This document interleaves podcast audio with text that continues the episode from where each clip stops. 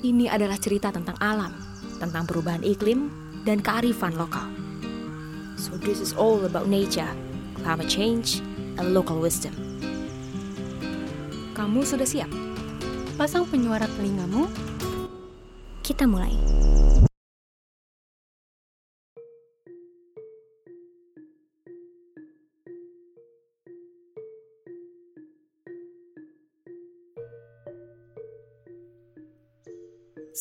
Sampurasun.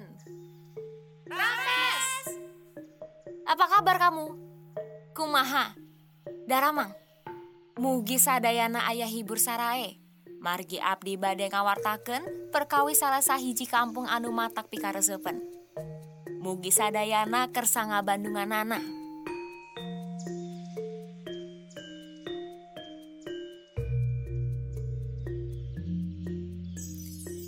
Apakah kamu tahu tentang sosok-sosok yang tinggal jauh di luar kehidupan perkotaan?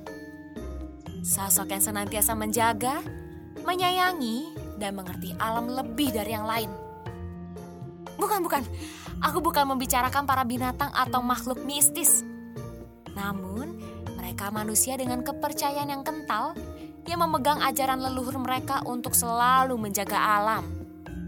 Jadi, bayangkan sedih yang mereka rasakan saat mereka menyadari bahwa perlahan teman-teman mereka di luar sana membantu merusak apa yang mereka berusaha jaga selama ini.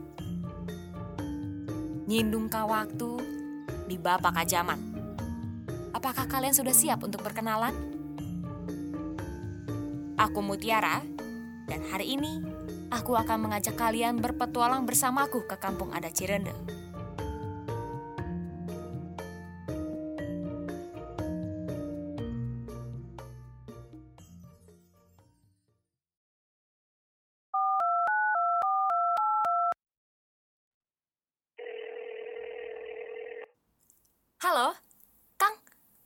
Sekarang ya. Oke, tunggu aku ya.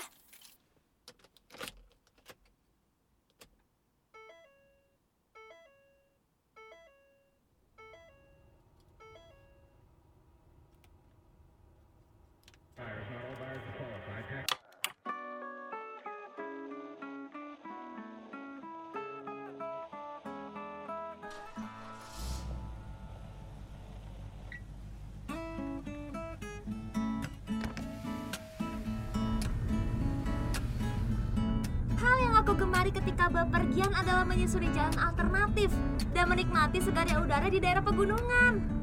Angin dingin menerpa wajahku.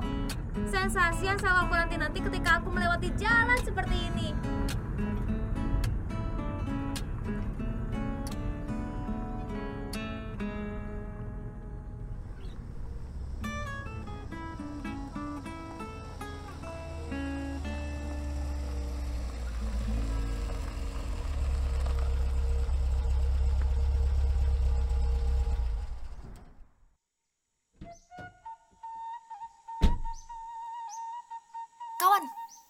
Pejamkan matamu dan buka telingamu. Apakah kau bisa merasakannya? Kuucapkan selamat datang di kampung adat Cirende. Sekarang, kita sedang memijakan kaki di Kelurahan Lewi Gajah, Kecamatan Cimahi Selatan. Lihat, di depan ada papan kayu bertuliskan selamat datang. Yuk, kita ikuti jalanan aspal ini menuju tempat pusat kegiatan adat Cirende. Di sisi kiri dan kanan jalan kita, berdiri kokoh rumah-rumah warga yang sudah terbuat dari batako dan semen. Keren ya? Padahal, dulu aku kira kampung adat ini akan didominasi oleh rumah-rumah tradisional. Nah, sekarang maju sedikit lagi dan lewati lapangan bulu tangkis di sana. Jalan sedikit lagi ke depan dan menolehlah ke arah kiri. Lihat nggak? Ada saung terbuat dari kayu dan terdapat tulisan Nyindung ka waktu di Bapak Kajaman. Dan ya, ternyata inilah alasannya. Kalimat ini dipegang teguh oleh warga setempat. Tidak hanya sebatas kalimat, tetapi menjadi prinsip kehidupan bagi warga adat Cirende. Maknanya adalah mengikuti perkembangan zaman tetapi tidak meninggalkan nilai tradisi. Dia Kang Jajat, salah satu warga kampung adat Cirende yang aktif dalam meneruskan tradisi leluhur di kampung adat Cirende. Ayo, ayo, kita ikuti Kang Jajat menyusuri hutan di kampung adat ini.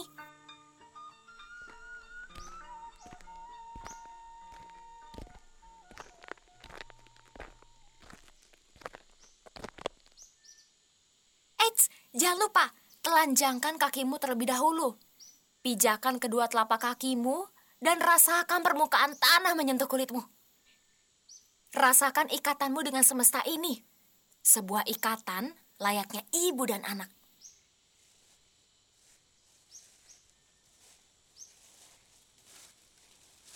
Asik ya? Kiri, kanan, kulihat saja banyak sekali pohonnya. Pohon-pohon berdiri dengan gagah sembari menari bersama angin. Melihat dan merasakannya, terasa begitu sejuk dan menenangkan. Eh, iya nggak sih? Kotanya lebat. Sinar mentari sesekali mengintip dari balik dedaunan. Kesejukan ini datang dari cara, keyakinan, dan tradisi para warga yang ada sejak lama, terutama dalam hal menjaga alam. Salah satu cara warga adat untuk menjaga alam, ya ini, pohon-pohon yang rindang, membiarkan eksistensi dari alam itu sendiri tetap bertahan dan tidak mengganggunya dengan berlebihan. Membiarkan bukan berarti tanpa dimanfaatkan, karena tidak bisa dipungkiri bahwa kita juga menggantungkan hidup kita kepada hutan. Sama seperti ular yang menyusuri permukaan dedaunan di dalam hutan ini, dan monyet yang bergelantungan dengan bebas di antara pepohonan. Dalam memanfaatkan hutan, warga adat menyadari bahwa sustainability adalah kunci dan hukum yang saklek jika ingin hidup sejahtera. Oleh karena itu, warga adat Cirende terus melaksanakan ajaran leluhur dengan membagi wilayah yang ditumbuhi teman hijau kita ini menjadi tiga wilayah. Wilayah ini dikenal sebagai lewongan, kemudian dibagi menjadi tiga bagian besar berdasarkan fungsinya. Nah, eh lah, kok kamu masih di situ sih? Ayo cepetan dikit jalannya. Kang Jajat mau jelasin tentang lewongan di Cirende nih. Ya konsep yang kami warisi dari orang tua itu tentang gimana ada lubang larangan, lubang tutupan sama lubang baladahan. Kalau lubang larangan itu kan udah jelas, tidak boleh ada campur tangan manusia dilarang gitu. Tempat tempat di mana dia menyimpan air ketika musim hujan tidak kelebihan, musim kembar pun tidak kekurangan. Disebut juga gentongnya bumi atau lubang awisan untuk diwariskan ke anak cucu berikutnya. Nah kalau lubang tutupan itu lubang penyangga, penyangga biasanya wilayah-wilayah lereng gitu. Nah kalau baladahan adalah lahan pertanian yang biasa digarap oleh masyarakat. Tiga lowongan ini tidak dibagi berdasarkan pembagian yang sistematis. Namun, ketiga pembagian hutan ini diukur dari berbagai hal seperti kondisi tanah, yang bisa dilihat dari tingkat kesuburannya.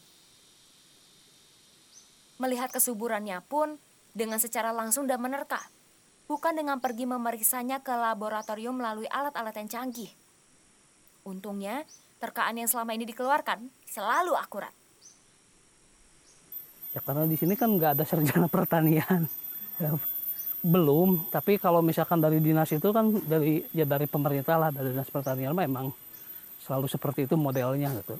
Tapi kalau di sini belum dapat informasi aja kesuburan tanah, keasaman dan sebagainya. Kalau kami udah aja melihat kondisi alam. Mari kita lanjutkan pendakian ini.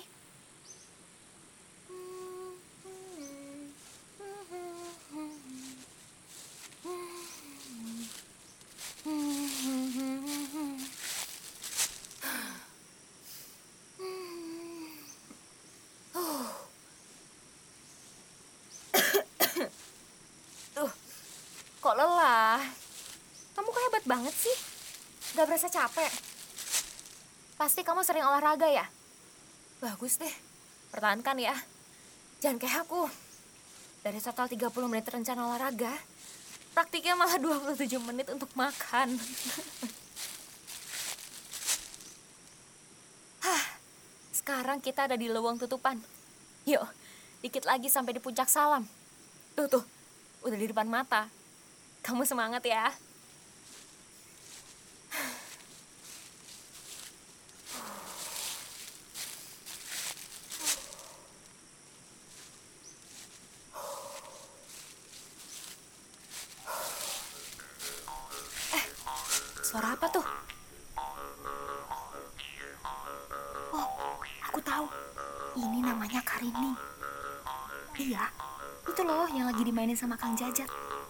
Mungkin hasil suaranya masih asing di kupingmu. Tapi itu adalah bentuk dari komunikasi. pengantir. Pengantar pengantar jadi pengantar. Kan kan gini. Kalau eh, kita berbicara dengan alam itu kan kalau pakai bahasa kita juga belum tentu diterima.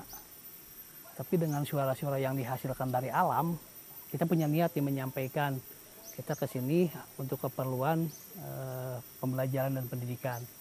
Di- disampaikan lewat ini lewat tutunggulan tongeret kan itu suara alam semua. Jadi kan kolaborasi semua eh, tabuhan karinding gitu. Jadi tidak hanya satu disampaikan lewat ini. Mudah-mudahan eh, semesta ini paham dengan maksud dan tujuan kita. Kita sudah punya niat baik tapi bagaimana bicaranya? Makanya ada media media itu bisa karinding bisa sesajen bisa kidung bisa apa aja. Yang gampang dipahami oleh alam. Kenapa sesajen? Kalau dihasilkan juga dari alam juga. Itu tutunggulan tutunggulan nih.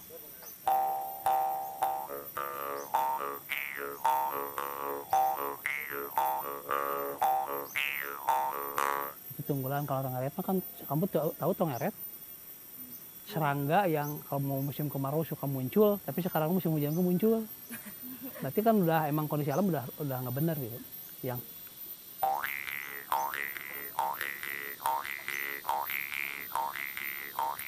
serangga itu mah cuma gitu tongeret tongeret serangga yang warnanya hijau. Itu ada di mana-mana. Gitu. Suara itu aja. Atau eh, ada juga suara bangkong bangkong katak. Bang katak suka muncul ketika datang hujan. Berarti ketika suara banyak banyak katak di mana-mana pertanda memasuki musim hujan. Seperti itu kalau bangkong terang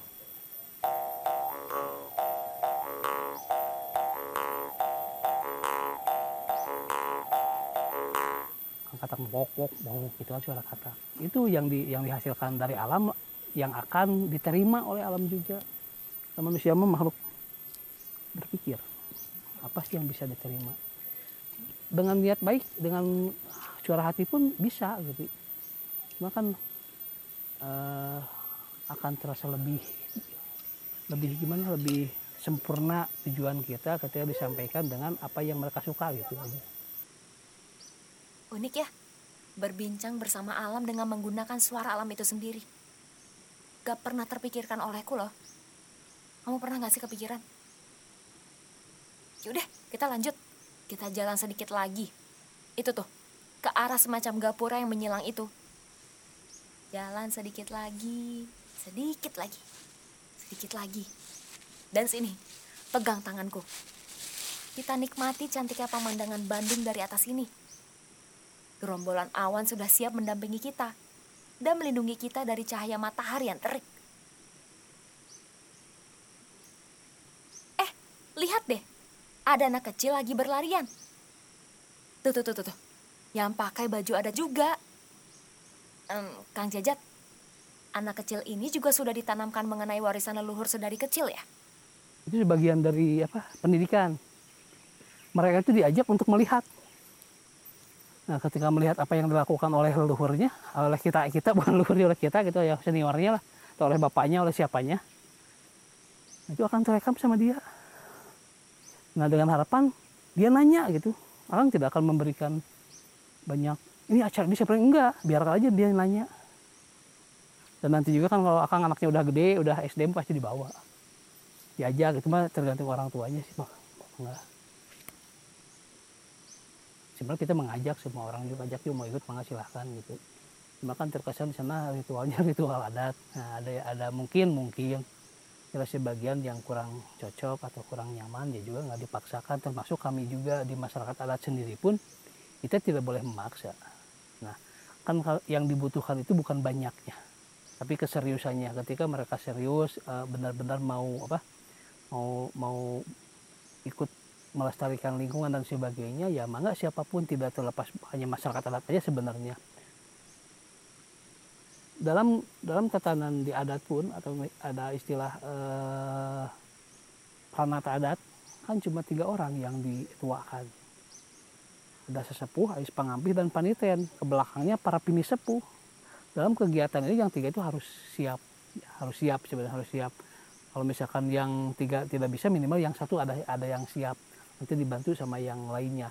Yang namanya menjaga tradisi menjaga nilai budaya bukan hanya tugas masyarakat adat sebenarnya tugas semua. Ketika mengakui bahwa saya ini orang Sunda yang menjaga nilai apa tugas bahasa eh, orang Sunda itu ya semua orang Sunda sebenarnya. Cuman balik lagi konsisten tidak kalau kami itu melakukan ya kalau kita ada kegiatan semua diajak semua dilibatkan apa yang akan lakukan dan teman-teman di sini dan para tokoh di sini juga untuk keberlangsungan kehidupan nanti bukan untuk sekarang. Kalau bicara lingkungan itu bukan bicara untuk sekarang, untuk nanti karena yang kita nikmati pohon bambu ini kan siapa tahu yang yang dalam nggak tahu.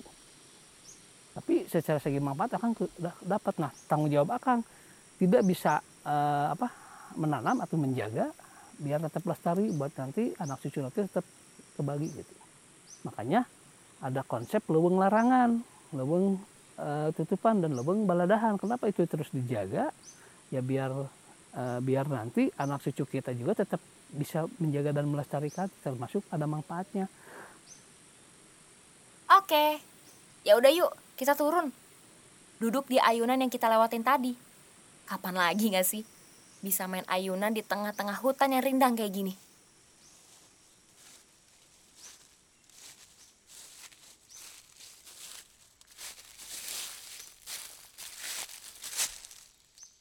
Aku ayunan yang kiri, kamu ayunan yang kanan ya. Duh, I'm gonna miss this place. Oi, banyak orang. Oh, iya iya. Kampung adat ini memang terbuka untuk orang-orang dari mana pun untuk berkunjung. Ya asalkan daerah-daerah yang sudah dibilang gak boleh masuk, ya jangan dimasukin. Semua orang dipersilakan untuk mempelajari ataupun hanya sekedar berkunjung. Ikut melestarikan alam juga boleh banget loh. Nanam pohon misalnya. Asalkan tanggung jawab aja. Ya nggak, Kang? Ketika orang menanam itu kan tadi tanggung jawab. Kita harus bertanggung jawab. Misalnya kamu bertiga nih mau nanam di sini, silahkan akan terima. Tapi kamu tanggung jawab enggak ini sampai hidup. Jangan dari Tangerang, misalkan mau pulang sebagai kenang-kenangan, kamu nanam apa di sini bertiga, tet. Lepas aja.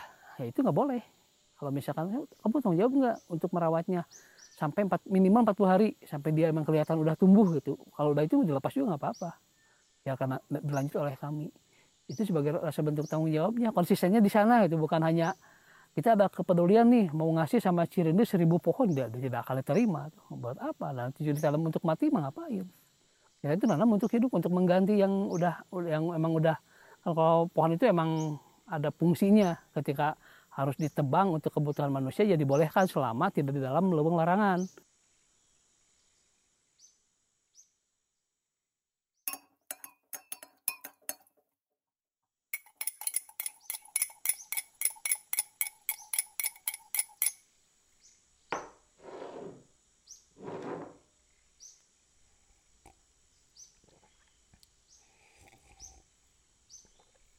Duh, seru ya perjalanan kita tadi bersenang-senang menikmati hutan, menghirup udara segar, dan belajar banyak dari kampung adat Cirende.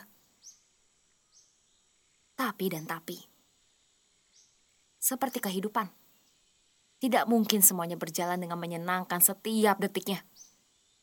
Pasti akan ada rintangan yang akan dihadapi. Bahkan, tidak hanya satu, tapi bisa bertubi-tubi seperti Kang Jajat dan teman-teman seperjuangannya di kampung ada Cirende. Walau ada niat yang sungguh-sungguh untuk melindungi hutan di sana, tetapi terdapat rintangan nyata yang sudah menunggu di depan mata. Kamu bisa mencari di internet dengan menuliskan Kampung Adat Cirende. C I R E U N D E U. Di sana kamu akan menemukan kisah-kisah tentang kearifan lokal budaya adat Cirende dalam menjaga hutan. Setelahnya, kamu akan menemukan juga potret warganya dalam balutan baju adat berwarna hitam. Berjalan kaki, menyusuri rindangnya pepohonan, dan menikmati udara segar dengan begitu nyaman. Namun, tidak semuanya terlihat indah seperti itu. Ketika kita mungkin sedang asik menonton film Sang Ratu SD Arendelle berulang kali, atau sedang menonton kartun Dunia Kapur sebelum sekolah, ternyata Kang Jajat dan yang lain sedang berjuang menyelamatkan hutan dari kekuatan-kekuatan Jama Benghar. Menurut Kang Jajat, mulanya luas hutan di kampung adat Cirende ini ada sekitar hampir 80 hektar. Lambat laun, luasnya berkurang karena adanya alih fungsi lahan. Dalam kewajiban pemilik proyek untuk menunjukkan dokumen analisis dampak lingkungan dari proyek tersebut pun, ternyata tidak pernah ada transparasi kepada warga adat Cirende. Ya tahulah pengusaha mungkin sekarang dan mereka juga yakin ketika dia punya modal cuma dilihatnya oh, untung bagus kelihatannya bahkan banyak peminatnya meskipun tahu tapi ini miring kan pasti mereka tahu karena bergerak di bidang itu pasti tahu sebenarnya cuma kan uh, karena mungkin apa uh, manusia itu karena kerakusannya mungkin melihatnya keuntungan keuntungan keuntungan tidak melihat dampaknya ah sok lah gitu. Bagaimana nanti? Ya ini longsor akan juga sama ya, seperti yang lain mengkritisi uh, kegiatan di sana. Tapi kan kami hanya bisa mengkritisi aja ada beberapa celah yang buat mereka bisa nyerang balik kita juga gitu. Ketika ada beberapa uh, tanah masyarakat adat yang ternyata dijual juga. Oleh warga sendiri. Oleh warga sendiri. Terlepas seperti apa uh, cara merayunya aku nggak tahu. Karena tidak pernah dilibatkan untuk ngobrol duduk bareng nggak ada. Cuma sekali kita dan ya, uh, kan permainan mereka itu gini ketika sedikit bersuara yang nyerang itu bukan dari luar justru orang dalamnya akhirnya jeng dulu gitu pas saya makanya udahlah malas itu makanya kemarin longsor pertama mah kita viralkan ya sempat rame juga. Begitu longsor kedua kita ngobrol dulu viralkan tong gitu. Ya udah kan janganlah nanti juga kita akan berantemnya sama saudara. Ya udah biar yang penting kita sudah menyampaikan karena tugas kami hanya menyampaikan bahwa ini ini seperti ini mau digugah atau tidak ya silahkan karena kami tidak tidak punya kekuatan. Salah satunya kekuatannya yaitu pada perlindungan apakah itu perda atau perwalah bahwa lingkungan ini sebenarnya lebih baik sih emang bentuknya undang-undang perlindungan terhadap hutan rakyat atau hutan adat. Bagusnya langsung dari kementerian gitu bagusnya. Tapi kan itu proses harus dari bawah dulu tidak bisa langsung ke sana. Ya harapan ke depannya itu aja untuk menjaga pelestarian lingkungan di Cirende di Cimahi ya harus ada e, keberpihakan pejabat. Terutama wali kota berpihak ada perlindungan bahwa zona ini tidak boleh dibangunkan dengan peraturan daerah apalah pokoknya gitu yang mengatur semuanya. Aku terkejut ketika tahu bahwa ancaman hutan ini pun ternyata juga berasal dari warga adat sendiri yang berhasil terbujuk untuk menjual tanahnya. Tapi kembali lagi, tidak ada ikatan aturan tertulis. Hanya budaya tutur turun temurun yang kita bicarakan saat ini.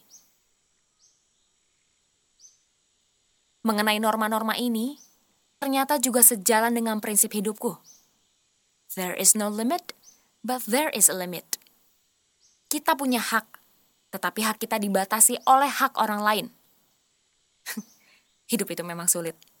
Tidak boleh mau menang sendiri.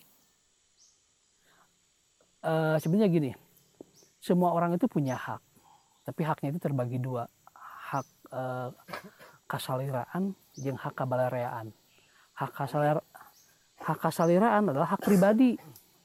Apakah masyarakat boleh menjual tanah? Boleh nggak dilarang.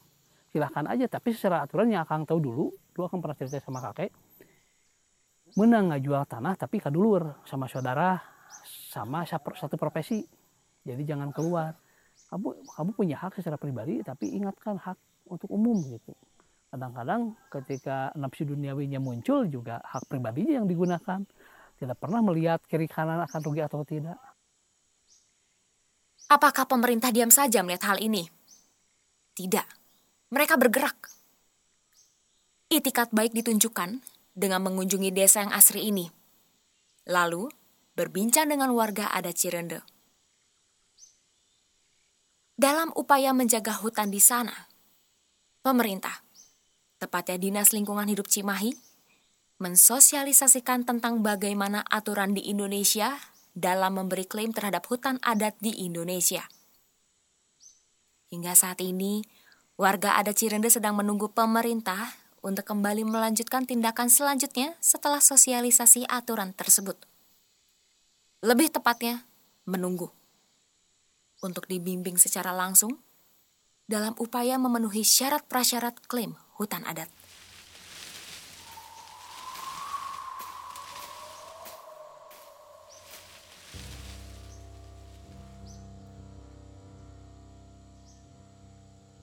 Apa yang terjadi di Cirende menjadi percontohan kecil tentang apa yang terjadi mengenai hubungan antara masyarakat adat di Indonesia dengan pemerintah. Hukum, regulasi, pasal, administrasi. Semuanya jadi terlihat rumit. Ungkapan menarik datang dari Ibu Ruka Sombolinggi, Sekretaris Jenderal dari Aliansi Masyarakat Adat Nusantara atau AMAN, mengenai kepemilikan hutan adat masyarakat adat sudah ada sejak sebelum Indonesia berdiri. Aman merasa tidak setuju jika kemudian hutan adat disebut sebagai milik negara. Karena konteks negara yang dimaksud adalah bukan menjadi milik kita bersama, di mana masyarakat adat yang menjadi bagian dari negara tersebut.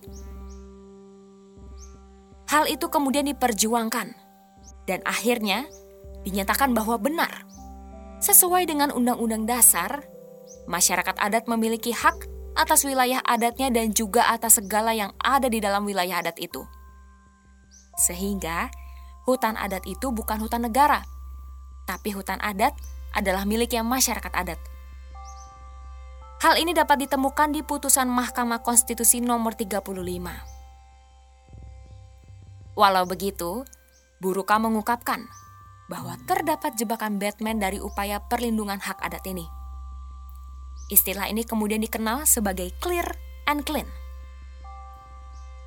Izin perusahaan untuk meminta kawasan hutan disebut mudah, ditambah dengan adanya Undang-Undang Cipta Kerja yang sempat kita bicarakan di episode 1. Diikuti dengan rentetan aturan yang begitu panjang, seperti seekor anjing yang berusaha mengejar ekornya sendiri. Tidak akan pernah selesai tumpang tindih hukum menjadi kesulitan masyarakat adat yang disinggung oleh Ibu Ruka. Persis, tapi kan yang disebut dengan uh, hukum yang berlaku itu adalah uh, hukum yang memang pemerintah punya keinginan politik.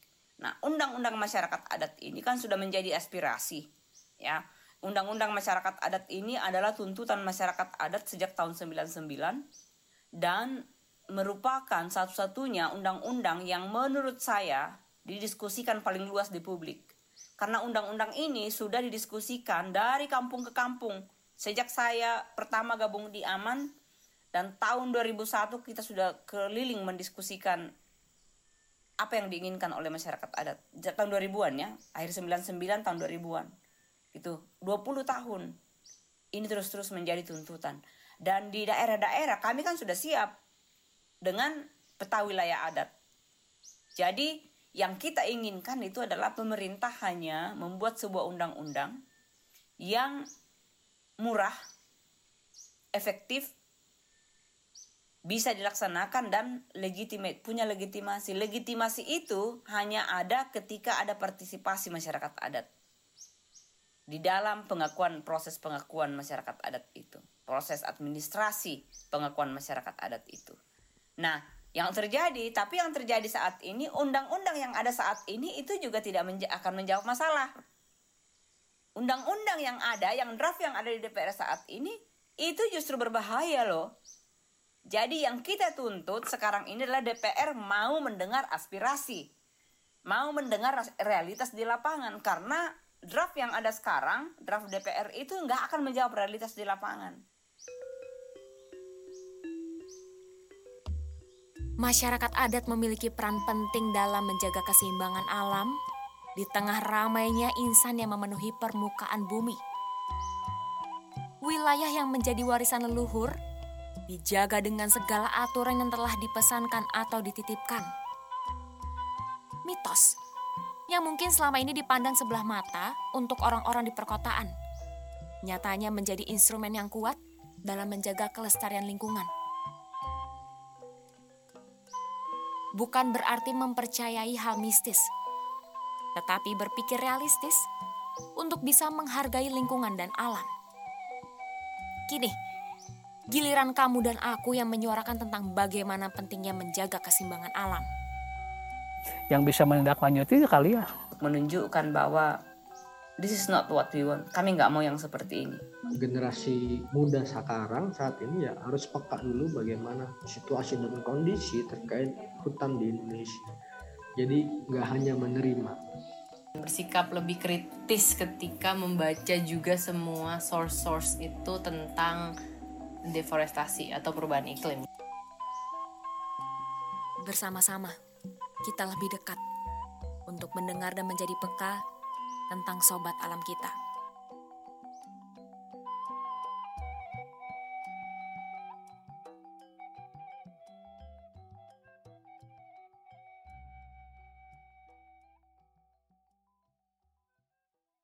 Kenakan penyuara telingamu.